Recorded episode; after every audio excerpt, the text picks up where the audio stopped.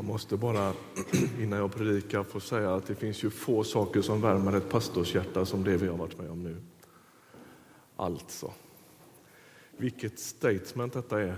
De här som har stått här och på ett så radikalt sätt att vi vill följa Jesus, vi vill ha med Jesus att göra. Det är det vackraste en församling kan få vara med om. Och jag ber att vi ska få vara med om det ofta och mycket. Hoppas att ni är med mig på det. Det, ja, det här är en predikan i sig, det vi var med om nu. Ni som gick dopets väg för en stund sedan här, ni predikade genom den handlingen att Jesus är på riktigt och att ni tar honom på allvar och att han tar er på allvar.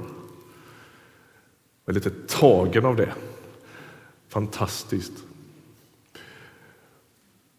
Hörrni, nu tänkte jag predika. Det är ganska länge sedan jag gjorde det. Jag har varit sjukskriven och haft en väldigt märklig vår på många sätt. Jag är väldigt glad att vara tillbaka. Från och med idag så är jag inte sjukskriven alls och är väldigt glad för det. Eh, och tänkte att jag skulle predika idag utifrån det här. Må han ge ert inre öga ljus så att ni kan se. Vi kommer tillbaka till det med blicken om en stund. För ett par år sedan så gick jag till optiken och bytte glasögon. Jag drar mig alltid för det av det enkla skälet att när jag provar glasögon ser jag inget. Det är ett problem att prova glasögon när man står så här nära spegeln så här, och tänker undrar om det här blir bra. Det är ett Eh, så, va? så att jag drar mig alltid för det lite så. Och så när jag köpte de här glasögonen så fick jag med ett par, för jag har nämligen kommit till den ålder där man, där man får lite specialglasögon. Som liksom funkar på olika sätt på olika håll. En del eh, äldre människor här inne nickar, födda samtidigt som jag. Eh, och då fick man med ett par terminalglasögon, kallas det för. De där glömde jag bort och häromdagen när jag städade lite vid skrivbordet så hittade jag dem där. Just det, de här fick jag ju med. Och så är tanken att man använder dem när man läser och lite så. va?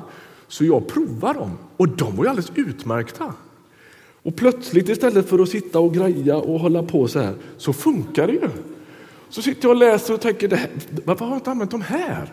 Det är ju alldeles ypperliga. Uh, Plötsligt ser jag. Och det där med syn, det kommer att handla om idag. Vi läser det från Efesiebrevets första kapitel. Efesiebrevet 1. Det är Paulus som skriver. Nya testamentets flitigaste författare Paulus. Han skriver ett fantastiskt brev till församlingen i Efesos. Och vi läser ifrån vers 17. Nu skulle jag ju haft dem där terminalglasögonen. Jag ser ju det nu. Ja, så kan det gå.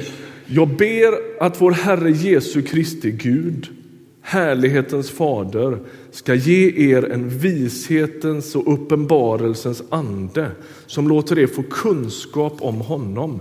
Må han ge ert inre öga ljus så att ni kan se vilket hopp han har kallat oss till, vilket rikt och härligt arv han ger oss bland de heliga. Hur väldig hans styrka är för oss som tror.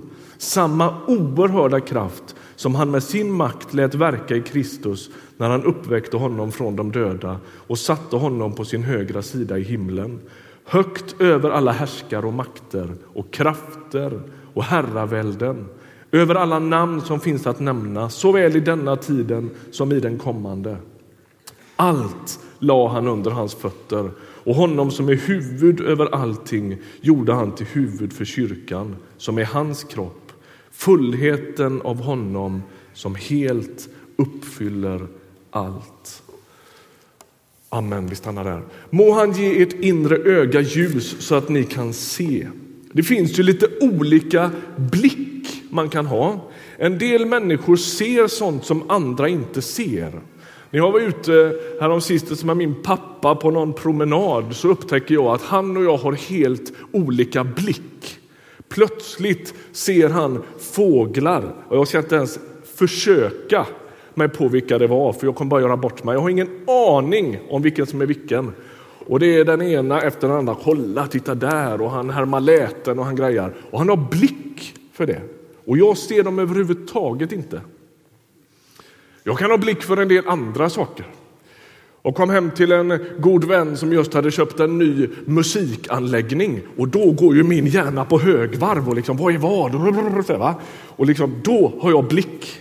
Är ni med? Man ser olika saker och Paulus han ber för de kristna i Efesos som ligger i nuvarande Turkiet. Och så ber han om för deras inre blick, deras inre öga.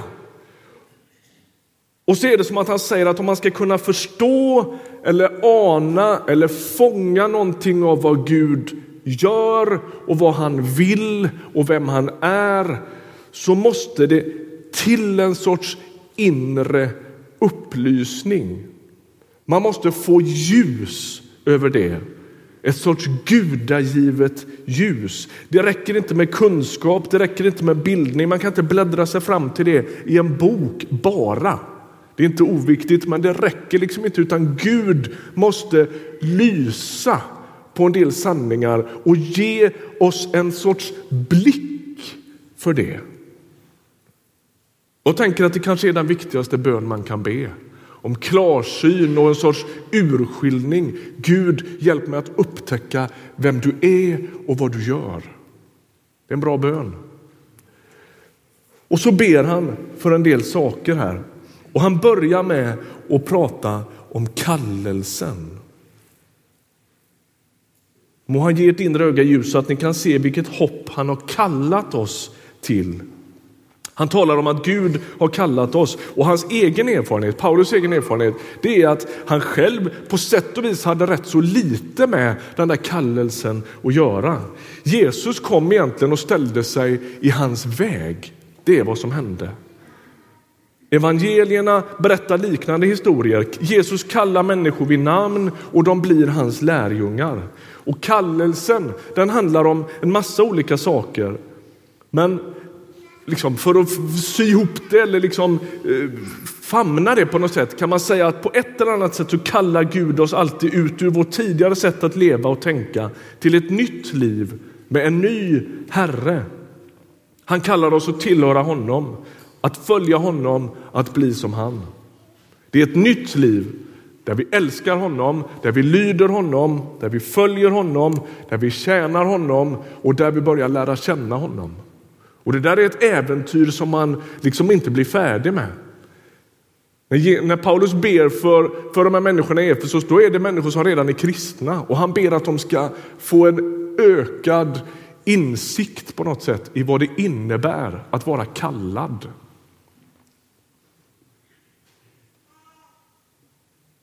Jag hörde en pastor en gång som var med om det vi är med om, var med om alldeles nyss. Nämligen att ett helt gäng människor, företrädesvis tonåringar, skulle låta döpa sig. Och han var lite så han ville känna dem lite på pulsen. Vad, vet ni vad ni gör? Och lite det som, som vi var med om här. Alltså, är du med på vad som händer? Det, har det här med Jesus att göra eller varför gör du det? Liksom? Och så frågar han, tittar han på det här gänget, han sitter och har dem runt omkring sig och så frågar han varför har ni valt detta? Och då är det en ung tjej som säger för att han valde oss. det är teologi på djup nivå. Ja. Alltså kallelsen, Paulus erfarenhet av att vara kallad, det är att ja, han var tvungen att säga ja, men det börjar med att Gud ställer sig i hans väg. Det är Gud som tar det initiativet.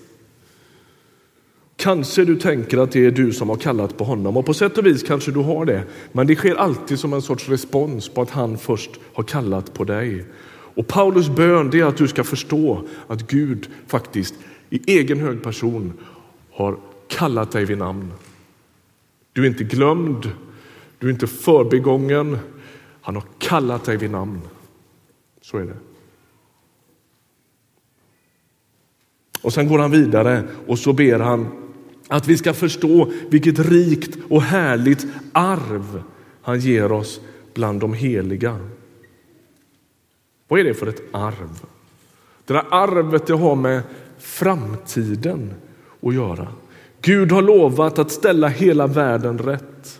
Han har lovat att döma ondskan, att ge oss Jesus troende vad Petrus kallar för ett arv som inte kan förstöras, fläckas eller vissna och som väntar på oss i himlen. Om du vill ha något som är värdebeständigt, som inte vissnar, som inte inflationer når på, så bind dig så hårt du kan vid Jesus och det arv som väntar i himlen. Vad är det för något egentligen? Ja, men det är egentligen det där som kallelsen går ut på, en sorts fullständig gemenskap med Jesus själv, där vi ser honom, men där vi också blir lika honom. Lyssna nu, där finns det inga barnsoldater. Där finns det inga inbördeskrig. Där kommer ingen att behöva tigga för att överleva.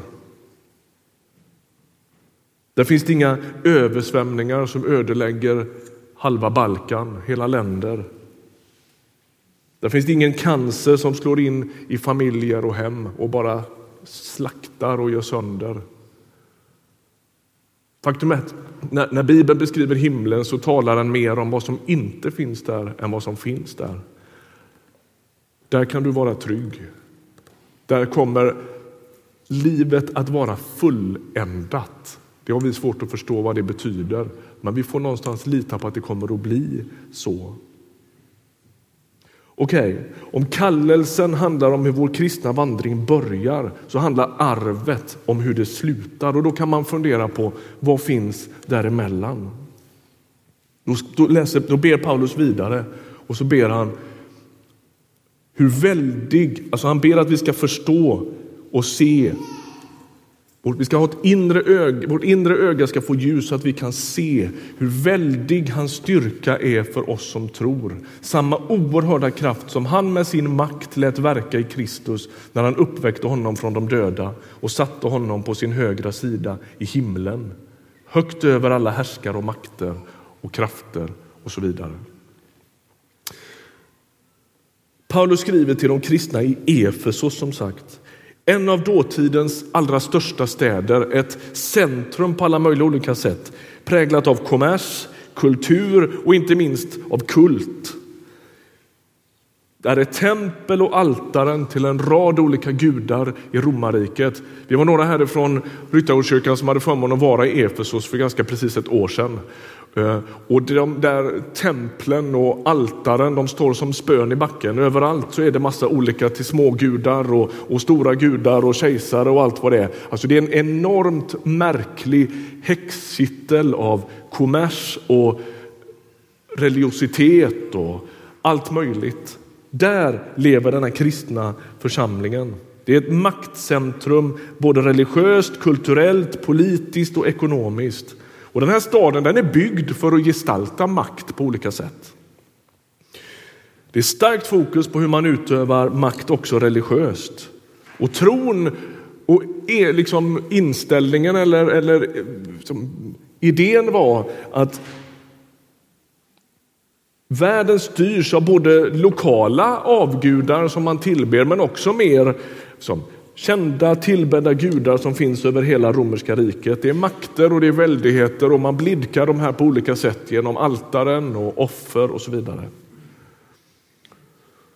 Och så är det som att Paulus sin vana trogen spelar på det som är väldigt aktuellt lokalt. Och så säger han, det finns ingen som har en sån makt som Jesus Kristus. Och Guds makt har aldrig varit så synlig som när Jesus först dör på ett kors uppväxt från de döda för att så småningom stiga in i himlen.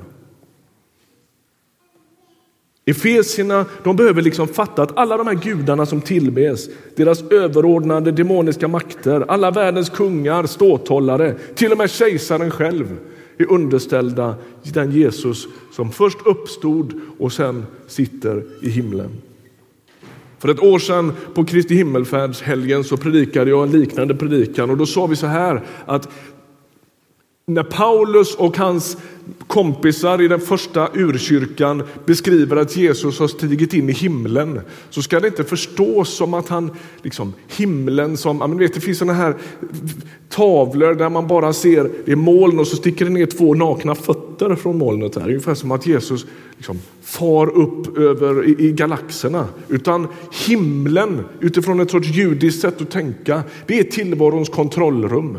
Det är där besluten fattas. Det är där tillvaron och världen styrs. Där sitter Jesus. Det är som att han kliver in emellan, liksom passerar hinnan, den tunna hinnan mellan, mellan den synliga och den osynliga världen och så sätter han sig i tillvarons kontrollrum.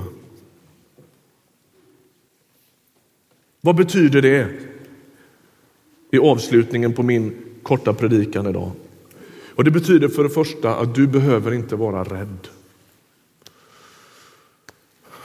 Du som sitter i Ryttargårdskyrkan eller lyssnar vid radion och som kan känna dig så orolig över politiska, religiösa, ekonomiska eller kanske till och med demoniska makter och krafter som verkar styra så hårt. Texten för idag den säger att de, deras makt är begränsad. De är underställda Jesus Kristus som sitter i tillvarons kontrollrum. Det är till sist han som kommer att få sista ordet. Du behöver inte vara rädd.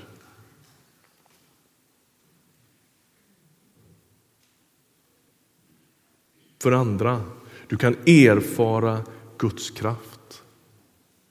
Urkyrkan, apostlarna i spetsen, de lever övertygade om att den Jesus som har uppstått, som har trätt in i himlen, han var en mäktig Gud som kunde förlåta, bota, som kunde upprätta människor, som kunde skänka frid, som kunde stilla stormar, både fysiska stormar och stormar i en människas liv. Och vi vill tro detsamma. Om du kommer hit till Ryttargårdskyrkan idag med ett trängande behov av Guds ingripande, då vill vi be för dig. Därför att det är det Paulus säger. Den kristna vandringen handlar inte endast om hur det börjar och så en gång om hur det slutar och så är det någon sorts vakuum mittemellan med lite saft och innebandy och fikagrupper och grejer. Va? Utan han säger den kraft som uppväckte Jesus från de döda och som insatte honom i himlen, i tillvarons kontrollrum. Den kraften kan du få smak på. Den vill bryta in i ditt eget liv och förändra omöjliga situationer som kanske har med sjukdom att göra, med ångest att göra, med arbetslöshet att göra, med förtvivlan av alla tänkbara slag att göra.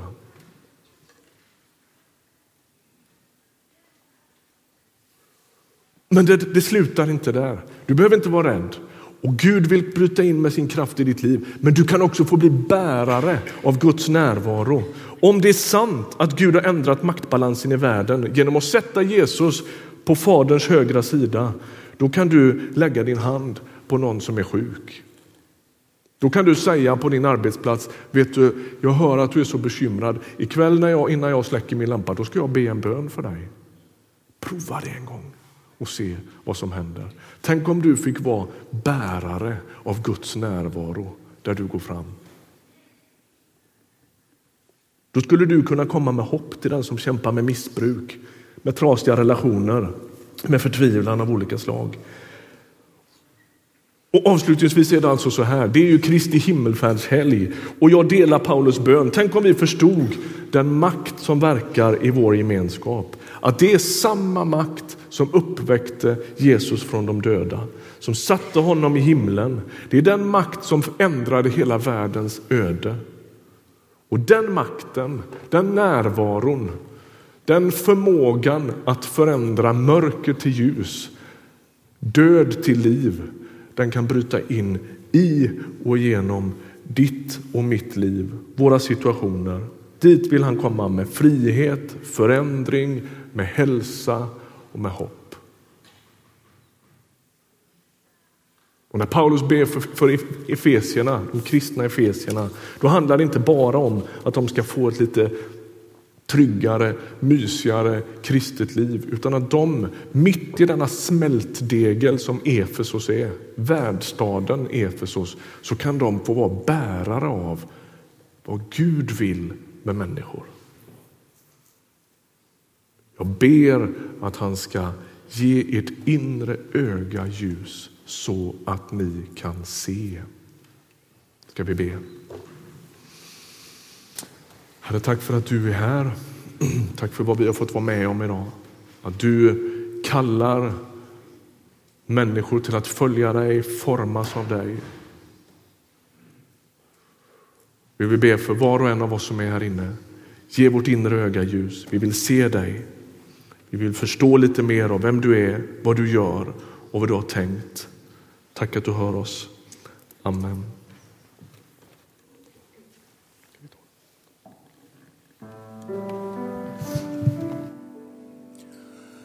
Giv oss